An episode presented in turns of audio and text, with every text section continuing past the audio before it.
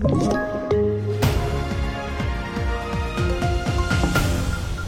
Fel att neka till koranbränningar, kvinna dömd för utpressning och påskmaten har blivit mycket dyrare. Det här är TV4-nyheterna som börjar med att fem personer har nu gripits misstänkta för stämpling till terroristbrott. Det skriver Säpo i ett pressmeddelande idag. Och så här kommenterar Gabriel Wernstedt som är pressekreterare på Säkerhetspolisen. Den här misstänkta brottsligheten eh, i det här fallet bedöms ha internationella kopplingar eh, till våldsbejakande islamistisk extremism. Eh, samtidigt samtidigt är det viktigt att, veta det att eh, för Säkerhetspolisens del så går vi ju in tidigt. Eh, vårt uppdrag handlar om att förhindra hot mot Sverige som terroristattentat.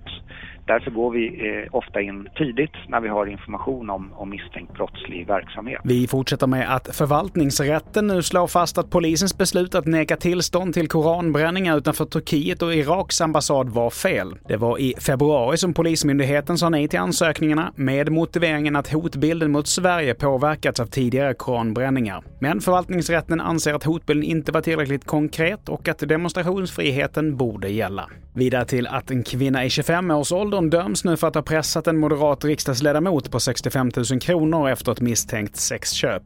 Stockholms tingsrätt dömer kvinnan för utpressning till skyddstillsyn och hon ska även betala tillbaka pengarna. Riksdagsledamoten i sin tur är fortsatt misstänkt för sexköp och här har särskilda åklagarkammaren inlett en förundersökning.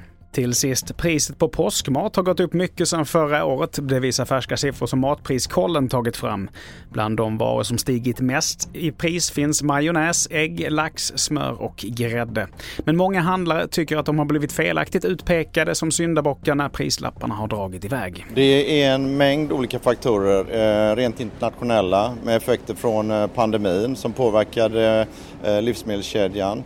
Strax därefter då kriget som påverkade priserna på insatsvaror och som eh, grädde på moset då en eh, historiskt svag krona, tyvärr. Och här hörde vi Pelle Collins som är ICA-handlare.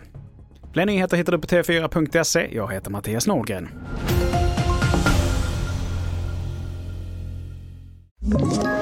Ett poddtips från Podplay.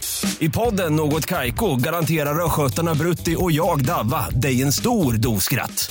Där följer jag pladask för köttätandet igen. Man är lite som en jävla vampyr. Man har fått lite blodsmak och då måste man ha mer. Udda spaningar, fängslande anekdoter och en och annan arg rant. Jag måste ha mitt kaffe på morgonen för annars är jag ingen trevlig människa. Då är du ingen trevlig människa, punkt. Något kajko, hör du på podplay. Därför är gardinerna.